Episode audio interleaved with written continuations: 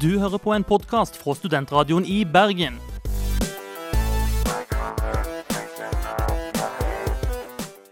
Denne og mange andre flotte podkaster finner du på podkast.srib.no.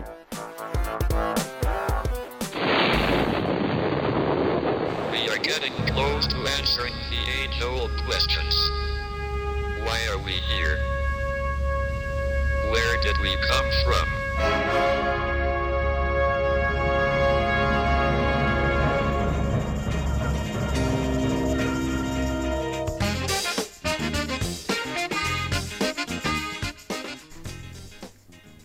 Det var en øgle fra Kritt som gikk rundt og koste seg litt.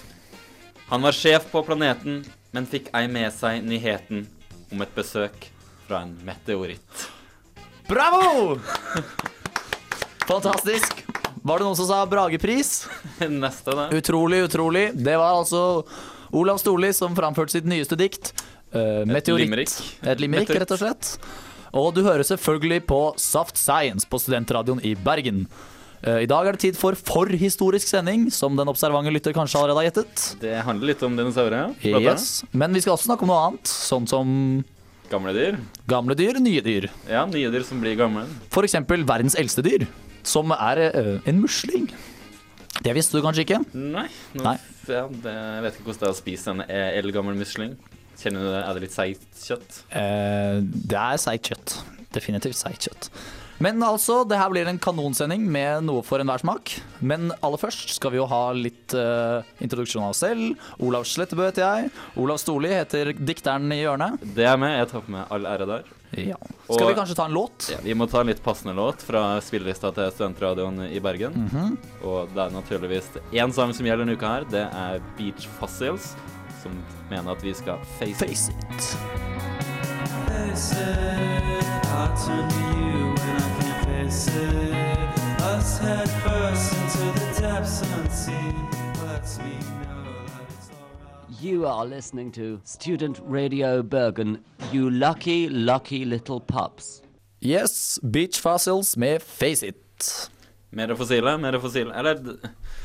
egentlig så er vi jo i Vadelen, i hvert fall i levende live. Den som ble funnet her utenfor Island. Eh, En, eh, en musling. Eldgammel musling. Verdens eldste musling. Eh, verdens eldste dyr, og med, påstår dem. Det er såpass. Ja. Eh, på norsk eh, kalles det en eh, kuskjell. Mm. Ar Arctica Islandica, tror jeg det er på latin.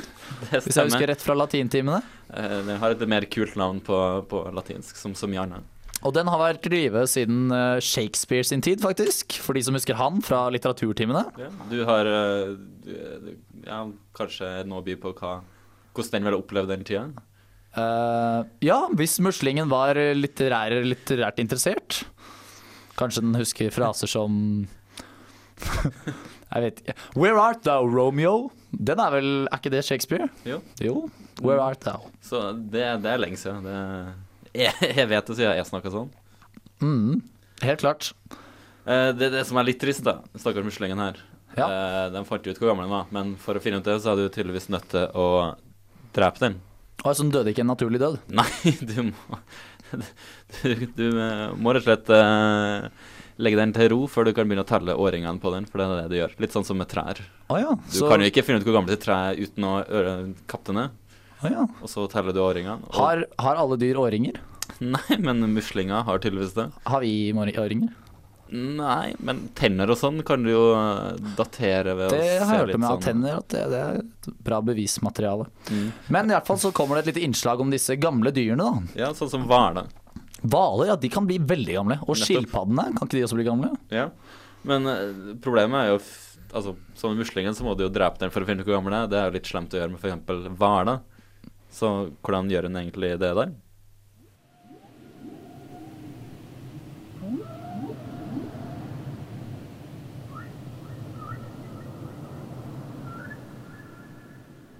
I sommer omkom en 24 tonn stor finnhval etter å ha strandet i Veile fjord i Danmark. Forskere fra Statens naturhistoriske museum har nå analysert aminosyrer i hvalens øye, og på denne måten funnet ut at hvalen var mellom 131 og 140 år gammel. Alderen på den hittil eldste kjente finnhvalen var 116 år, og dermed ser det altså ut til at hvalen fra Veile er den suverent eldste som har blitt registrert av mennesker, skriver vitenskap.dk. Dette betyr ikke nødvendigvis at det er sjeldent at finnhvaler blir så gamle. Forskerne vet nemlig utrolig lite om hvor gamle dyr kan bli.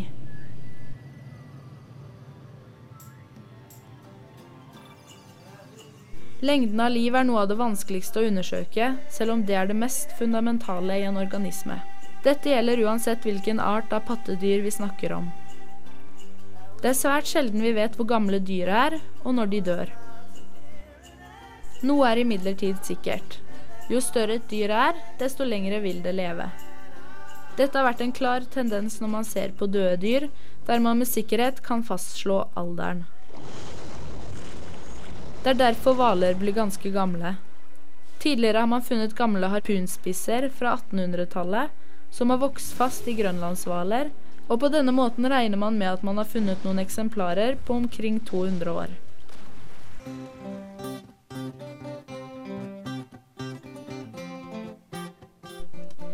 Men dette er likevel ikke noe man kan si med sikkerhet. Forskerne er ikke engang sikre på hvorfor større dyr lever lenger. En forklaring kan være at større dyr har færre naturlige fiender enn små dyr. En annen forklaring kan være at små dyr er konstruert helt annerledes, og at fysiologiske prosesser fungerer forskjellig.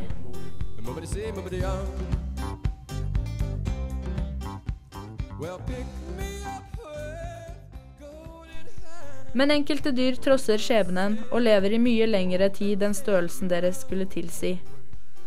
Mennesket er et eksempel. Beltedyr og pinnsvin er andre. Felles for dem alle er at rovdyr har problemer med å få has på dem. Det samme gjelder den viltflyvende flaggermusen, som stikk i strid med størrelsesmessig fornuft kan leve i helt opp til 30 år. Til sammenligning ble den eldste registrerte svarttrosten 13 år, mens meiser typisk lever i fem år. Det florerer historier om spesielt gamle dyr. F.eks. en skilpadde som Charles Darwin skulle ha tatt med hjem fra Galapagosøyene, eller en indisk elefant som levde i 170 år. I de aller fleste tilfellene har slike historier vist seg å være bare myter. Mytene oppstår ofte fordi dyr enten har samme navn like etter hverandre, eller fordi man har målt alderen med en usikker metode. Finnhvalen i Veile er derimot blitt aldersbestemt ved hjelp av en av de få metodene man vet er pålitelig. Aminosyrer i et øye har en halveringstid, akkurat som man kjenner det fra radioaktive stoffer. Så hvis man har et dyrs øye, kan man med rimelig sikkerhet finne dyrets alder. I tilfelle med finhvalen har konservatorer fra Statens naturhistoriske museum tatt fire prøver, som viser at hvalen var henholdsvis 131, 133, 136 og 140 år. Det tyder altså på en rekord, men forskerne er mer opptatt av at det døde dyret gir mer kunnskap om finnhvaler. Hvert eneste krek på jorden inneholder ny kunnskap, og jo flere opplysninger man kan få, jo bedre er det. Derfor er det viktig at man har både nøyaktig vekt og alder på denne finnhvalen.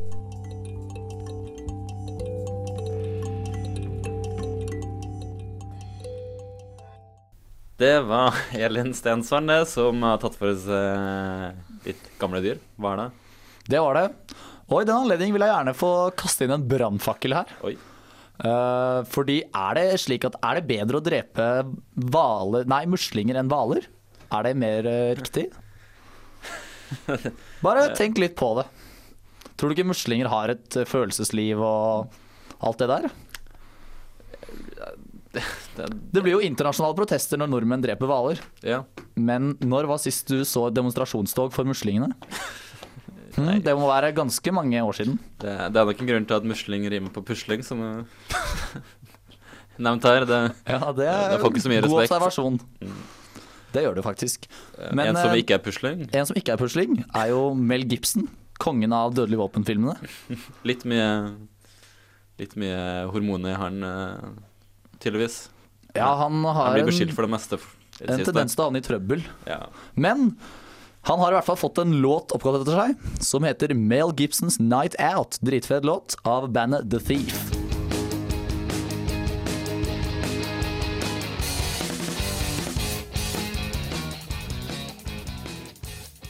The Thief der, med Mel Gibsons 'Night Out'. Eh, og eh, han kan jo virke litt neandertaler av og til, kan han ikke? Ja, det tar ta litt tid, da. Jeg vil jo ikke være injuri- injurierende her. Men han er en bråkebøtte. Men eh, altså disse neandertalerne som vi skal prate om, de er et tema, de er dagsaktuelt tema, fordi nå kan man teste hvor mye neandertaler man er. Ikke sånn eh, quiz på start og denne-aktig, men ved å sende inn en DNA-prøve, så kan eh, noen forskere avgjøre hvor mye du ligner på en neandertaler. Fordi selv om det er litt eh, etisk gråsone å snakke om menneskeraser, da, så har det vist seg at neandertaler er en annen menneskerase enn vår. Og, men vi har jo utvekslet kroppsvæsker en gang i tiden, så noen av oss er mer neandertaler enn andre. Yep. Og eh, en som har test seg, se. eh, Ossi Osborn. Oss i Han kan virke som en veldig god eh, kandidat her. Og eh, de har funnet litt, litt, like, litt likheter. På en av kromosomene har de funnet en sånn liten sekvens der som eh, tydeligvis viser at uh, noen i familien hans tidligere har uh, Ja, kopulert litt, som det så fint heter, med ne neandertalerne. nettopp. Men han er jo kjent for å bite av hodet på flaggermus og det som verre er. Ja. Er det sånn neandertalerting å gjøre? Uh, det, det kan faktisk virke litt sånn. eh, fordi eh, de er jo kjent for eh, å, være litt mer eh, Bråkete, kraftige ja. og aggressive. Og nå viste det seg at det faktisk er ganske mye sant er at de er mye mer aggressive og kanskje har mye mer testosteron i, i kroppen enn det vi har. Hmm, fascinerende.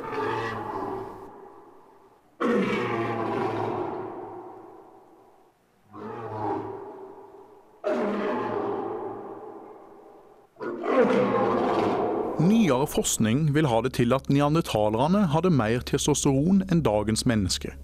Det betyr at de trolig hadde lettere for å starte slåsskamper om partnere og hierarki, og større sannsynlighet for å ha flere partnere. De britiske forskerne studerte fossil av fingerbeina til neandertalerne for å lære mer om hormonnivået deres. Det er kjent at jo lengre ringfingeren er sammenlignet med langfingeren, dess mer testosteron ble vedkommende utsatt for i livmora.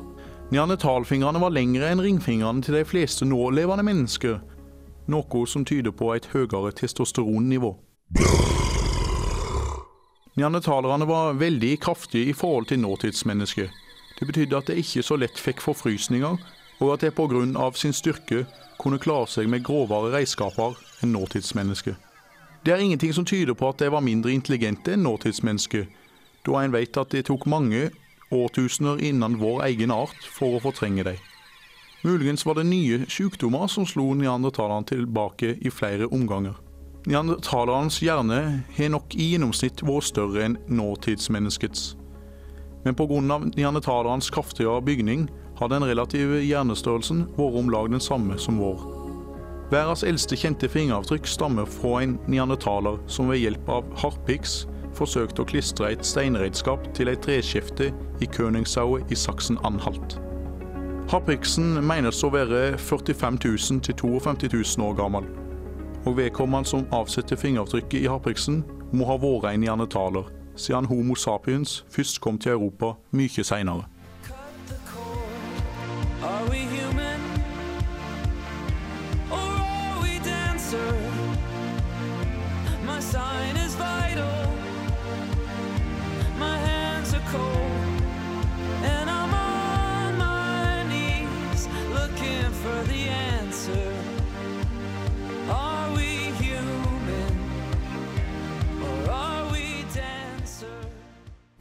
Yes, det var Olav Aasen som pratet om neandertalere. Snart får vi ukas nyhetsoppdatering her i Soft Science, mens først må vi freak out litt med Tapes and Tapes, heter den. Yeah! Even in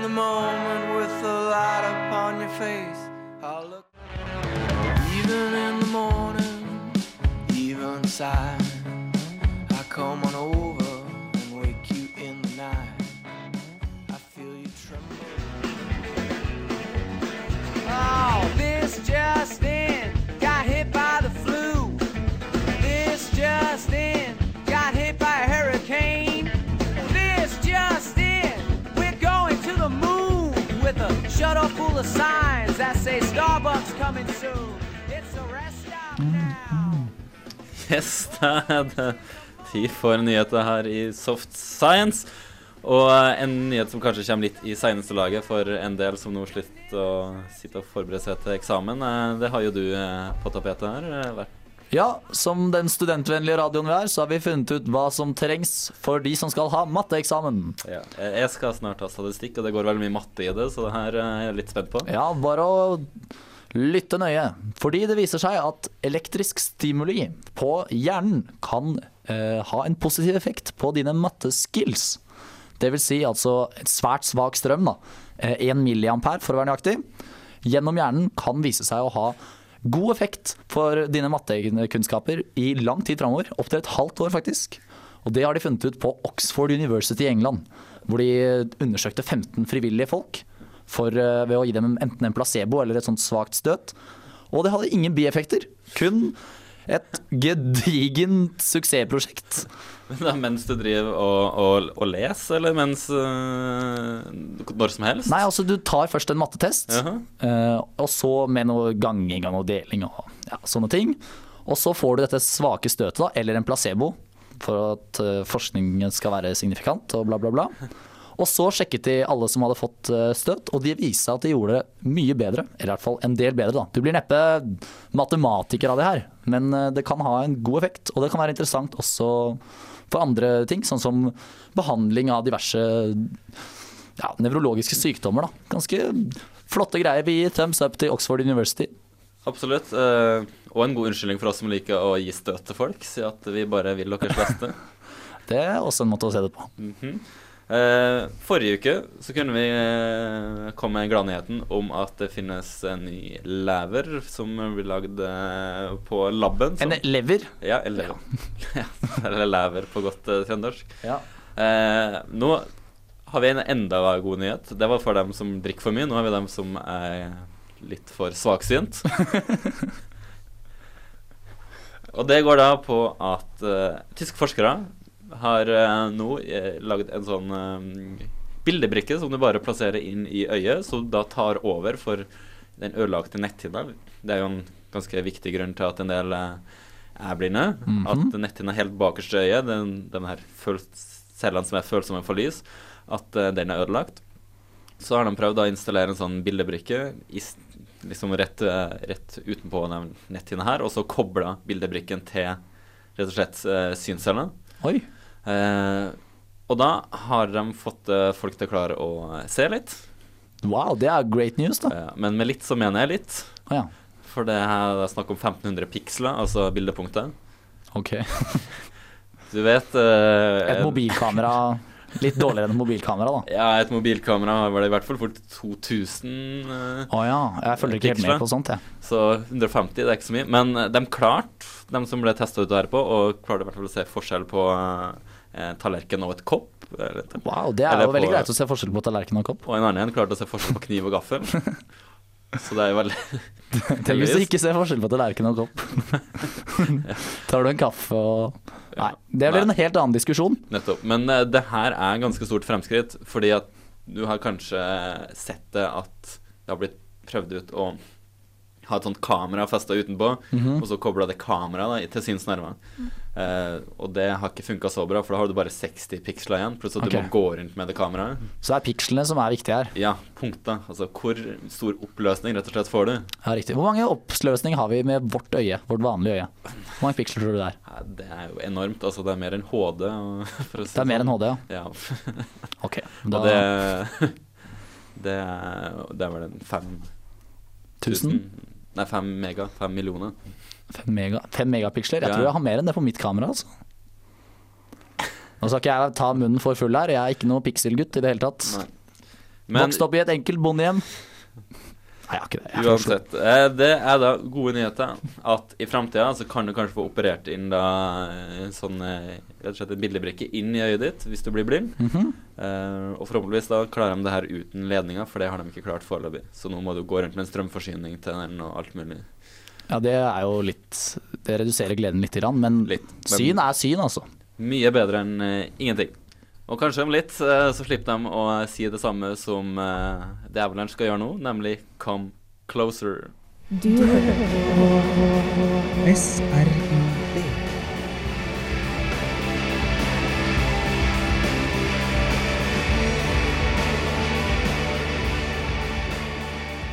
Der fikk du The Avalanche med 'Come Closer'. Det er det ikke alle som alle det gjelder for. I hvert fall ikke ifølge Stephen Hawking. Ok, Eh, vår eh, kjente, kjære maskot her i Kan vi kalle den det? I Soft Science. Det kan vi godt vår helt. Vår, Mhm. eh, mener at vi må derimot fjerne oss fra jorda for å ha sjanse til å overleve. Oh, ja. Måten vi bruker ressursene her på, og alle konfliktene det medfører, det kommer til å bety rett og slett at vi vi dør ut som art, mener han, hvis vi ikke innen neste 200 åra klarer å begynne å utforske verdensrommet for å finne nye steder å bosette oss på. Ja, det burde kanskje dinosaurene tenkt på også, at de burde bare kommet seg vekk før den her meteoritten, eller hva det nå var, da, som utslettet dem. Ja, vi var litt inne på det helt i starten av sendinga. Ja, med ditt flotte limerick. Jeg fikk ikke rost deg nok for det. Det syns jeg var et høydepunkt i Soft Science sin Kalte jo et epos her. Jeg kaller det et eh, epos. det. Jeg står ved den. Og nominerer deg herved til uh, Tarjei Vesaas debutantpris. Takk, takk, takk. Uh, men det, det er jo mer det vitenskapen bak det her som Det er det som trigger oss. Det, ja, det er det som eh, gir oss uh, juice, holdt på å si. Juice, ja. Uh, for her er det jo masse forskjellige teorier. Mm -hmm. uh, det går jo på ville teorier som at de rett og slett ble for stor, for feit. ja. Litt sånn amerikansk Pass på hva du sier nå. ja, Der er det søksmål på gang. nettopp. Til litt mer naturlige ting, som at det kom en stor stein og falt ned i hodet på. En haug med teorier, altså. Jeg syns kanskje vi burde høre enda mer om det her. Det hadde vært stemning.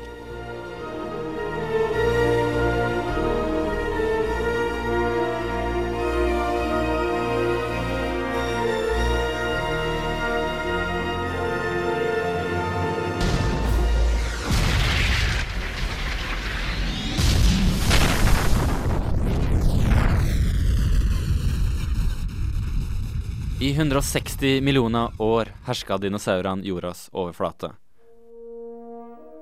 De kunne bli like stor som 15-etasjes hus, beskytte seg bak harde skall og jakte bytte i opp mot 80 km i timen. Kunne, for nå er de borte, og det har de vært i 65 millioner år siden slutten av krittida.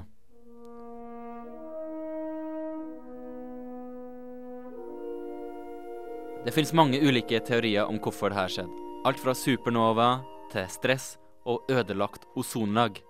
Men hva skjedde egentlig? Synder nummer én sykdom. Det verste med å våkne opp, det er når jeg er syk. Magen min er fæl og dum, og skallen min er myk. Og røde hunder, meslinger og alt som ille er. Mot slutten av krittida åpner det seg landbroer mellom kontinentene, f.eks. Asia og Nord-Amerika. Tanken er da at arter invaderte nye territorier og førte med seg ukjente sykdommer som dinosaurene der ikke tålte. På en måte sånn som europeerne brakte med seg kopper til Amerika og nesten utrydda indianerne. Det samme kunne ha skjedd, men eh, skeptikere påpeker at det vanskelig kan forklare at så mange forskjellige arter ble utrydda over hele jordoverflata og i havet. Synder nummer to klimaendring. Det er ikke bare i nåtida klimaendring er den store, stygge ulven. Enkelte mener at dinosaurer døde ut fordi klimaet endra seg. Halvparten av plantene i krittida var tropiske, og derfor vet man at det var varmt. Meget varmt. En del forskere tror at det ble kaldere og kaldere, sånn at mange av plantene forsvant. Det førte til at de plantespisende dinosaurene døde, noe som igjen medførte til at de kjøttetende øglene forsvant. Men hva med dinosaurene til havs, sier du? Jo, planktonet ble også redusert i denne tida, sånn at det ble mindre mat for dem på toppen av næringspyramiden og Synder nummer tre asteroider. Den best kjente teorien er naturligvis dinosaurenes Armageddon, kjempeøglenes Deep Impact, en asteroide som skal utrydde dem og mange andre dyrearter. Det er anslått at den var på rundt 10 km i diameter og slo ned på Yucatan-halvøya i Mexico ved Det karibiske hav. Krateret etter den var over 20 ganger så stort og måler opp mot 250 km i diameter. Det tilsvarer et krater som dekker både Bergen og Kristiansand. Kollisjonen til asteroiden skal ha forårsaka omfattende branner, jordskjelv på over 10 på Richters skala, Store jordskred under havoverflaten som utløste gigantiske tsunamier. Men det viktigste mener forskerne likevel var at nedslaget slang opp masse materiale opp i atmosfæren. Det innhylla jorda i mørke, noe som medførte en global vinter. Noe som dinosaurer og mange andre ikke kunne tilpasse. Det viktigste beviset for dette er funnet av et tynt bånd av iridium nede i jorda. Et bånd som dateres 65 millioner år tilbake i tid. Og hvor kommer iridium fra, sier du? Jo, først og fremst meteoritter. Dermed har man sterke bevis for at en asteroide har kollidert med jorda, og at den var såpass stor at restene av den har spredd seg planeten rundt. Synder nummer fire vulkaner. De siste par åra har det kommet en ny teori om at det er vulkaner, og vulkaner alene, som har utrydda halvparten av livet på jorda.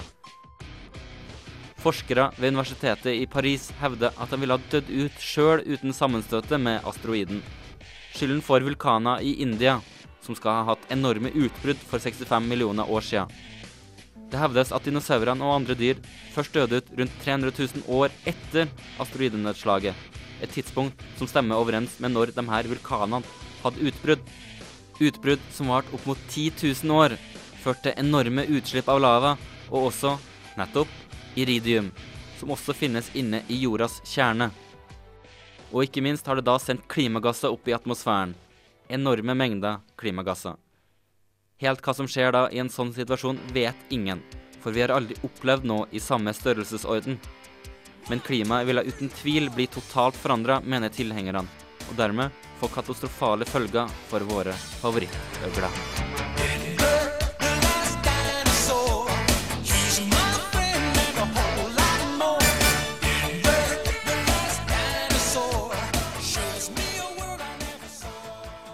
Ja, det var deg det, Olav Storli, med en flott liten sak om dinosaurene. Og det, som den uh, lytterne hørte, så var det jo mange teorier der. Én av dem har vi dessverre, eller imidlertid, hoppa litt over. Hva, hva tror du det kan være? Fugledansteorien. Ikke sånn, Tune. Eh, eh, for en del mener at rett og slett dinosaurer, de har alle sammen eh, blitt til fugler. Å ja. Eh, det er jo en del likheter der. Egg, for eksempel, en fin likhet. ja. Det er en radikal teori, men jeg syns jeg, jeg har stor forståelse for den. Ja. Eh, Og det viste seg, for eksempel eh, favorittøgla vår fra Jurassic Park, eh, Velociraptoren. Åh, det er bra raptor. Den har de funnet klare bevis for at det er linka til fugler i dag. Kult. Tyrannosaurus rex derimot ah, Alle spor stopper der for 65 millioner år siden. Kanskje like greit. Ja, For de som har sett Jurassic Park. Nettopp. Så det er tydelig at eh, den, det er lite hold i den teorien, dessverre. Men heldigvis for oss så er det ikke alle dinosaurer som har dødd ut. Her kommer Dinosaur Junior med The Wagon.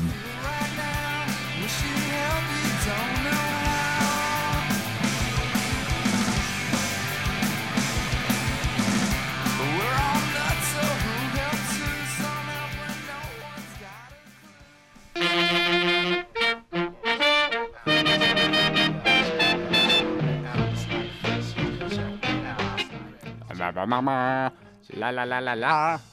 Unnskyld. Soft science om vitenskap og sånn. Og hvis vi ikke vet hva vi snakker om, så sier vi i hvert fall unnskyld.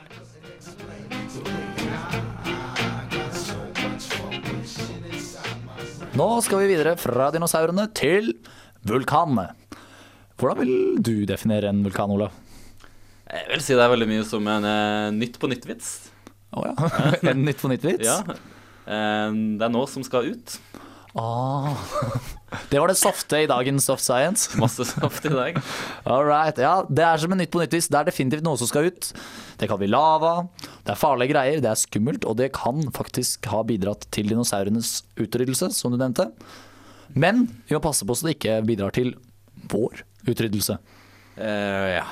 Det, det er skremmende saker. Du har jo sett litt nærmere på det, for det finnes jo vanlige vulkaner, og så har du jo supervulkaner. Har du bare tatt Alt er mye kulere med super foran, Jepp. Uh, sånn som Supermann. mhm. men det her er på denne siden Super mer Mario? skremmende Ja. enn eh, Super Mario og Supermann.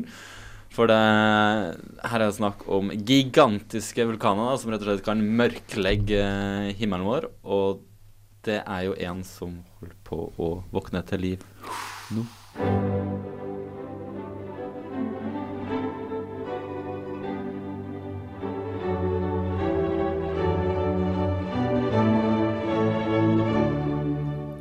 Yellowstone nasjonalpark ligger i delstatene Idaho, Montana og Wyoming nordvest i USA. Den dekker 8900 kvadratkilometer. Under det idylliske landskapet ligger en enorm supervulkan som heter Yellowstone-vulkanen. En supervulkan skapes ved at store mengder magma samles under overflaten. Gasser i magmaen bygger opp et enormt trykk som til slutt trenger gjennom i en kolossal eksplosjon. Når magmakammeret er tømt, faller taket sammen og skaper kalderaen, fordypningen som kjennetegner en supervulkan. Lenge før mennesker kom hit, var det et stort vulkanutbrudd her, som førte til at hele vestlige Amerika ble dekket av aske.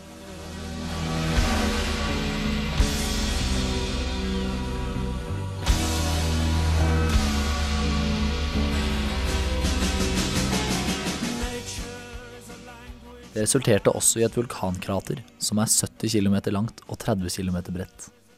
Dette utbruddet var 3000 ganger kraftigere enn utbruddet ved Vesuv i år 79.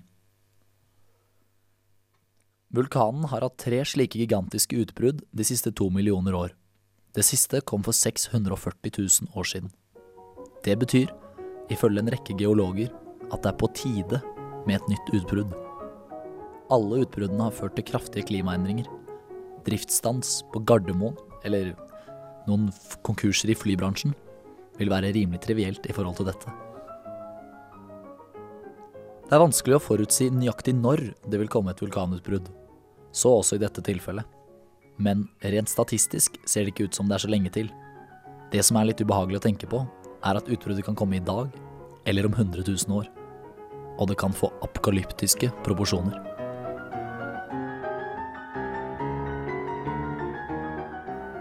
I første rekke vil det ha katastrofale følger for USA. Titusenvis av mennesker vil bli drept momentant, og noen forskere anslår at halve landet vil bli dekket av et metertykt lag med aske. Som om ikke det var nok, vil himmelen mørkne, det vil regne sort, og jorden vil komme til å oppleve noe tilsvarende en atomvinter, der partikler vil blokkere solstrålingen, og vi får en global nedkjøling. Altså en ny istid. Vi får satse på at det blir lenge til. Be left to grieve, and we will all go together when we go. What a comforting fact that is to know. Universal bereavement, an inspiring achievement. Yes, we all will go together when we go. Det var du, det, Olav Slettebø, som har tatt for deg eh, supervulkanen i Yellowstone. Jeg hadde egentlig veldig lyst til å dra dit uh, når jeg var der i sommer. eh. Nå, nei, Nå tror jeg jeg er utsatt Hold deg langt unna. Uh, turen, uh, gitt. Ja, men likte du innslaget? Absolutt. Så bra. Jeg ble, eller, jeg- ble i bedre stemning av det enn du, tydeligvis. For du har jo bestemt neste sang på programmet. Ja, dere må ikke bli deppa dere der ute. Det er en klassiker, spør du meg. Mandag morgen blues.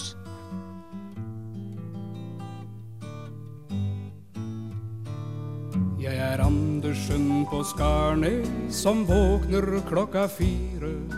Famler etter knappen på et iltert vekk. Soft, soft, science.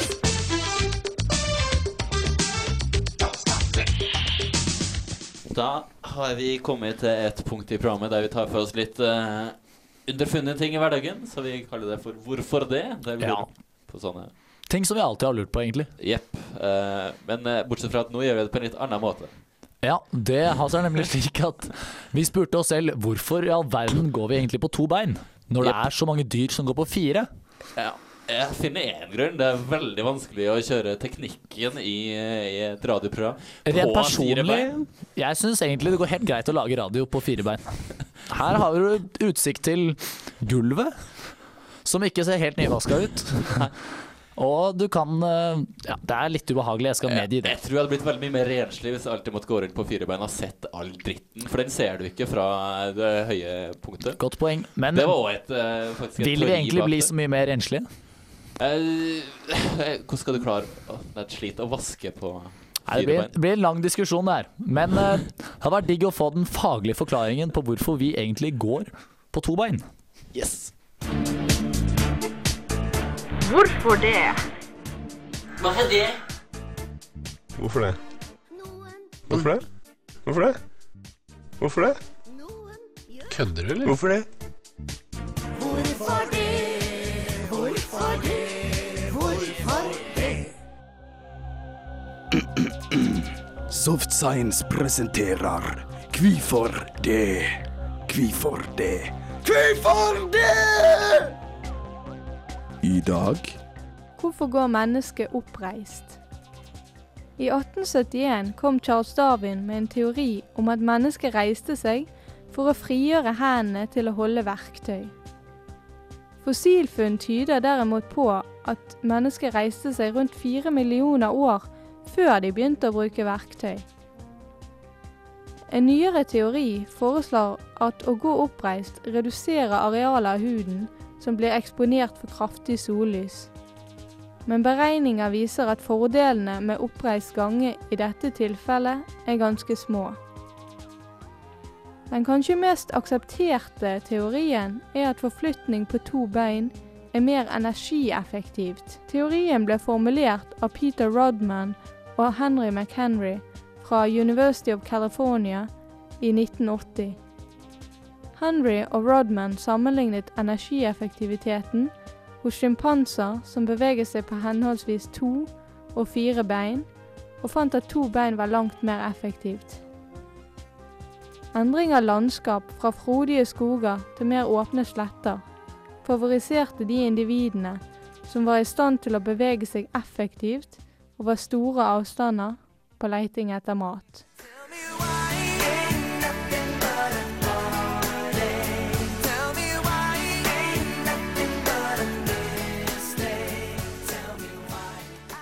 Da fikk eh, rett og slett eh, Toril eh, Eidsvåg nesten siste ordet med sin forklaring på hvorfor vi går på to bein. Vi har kommet oss opp på to bein igjen. Det var egentlig mye mer behagelig. Men eh, som sagt så er vi ferdig med forhistorien for i dag. Vi har jo lært ganske mye rart. F.eks. at dyr i kaldt vann, muslingene, kan bli veldig gamle. Mhm. Så hva skal du gjøre nå?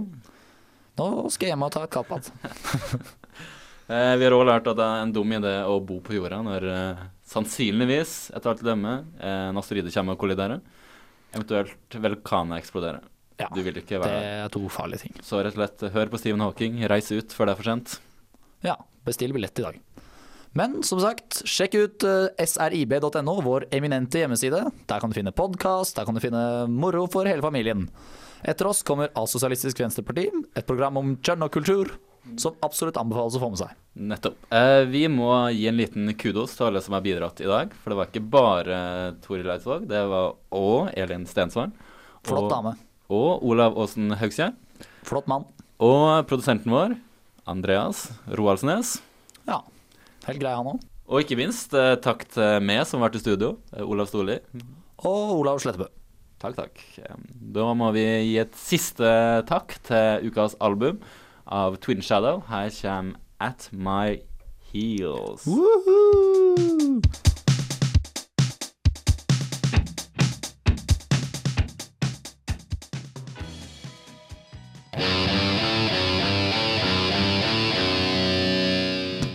Du hører på en podkast fra Studentradioen i Bergen.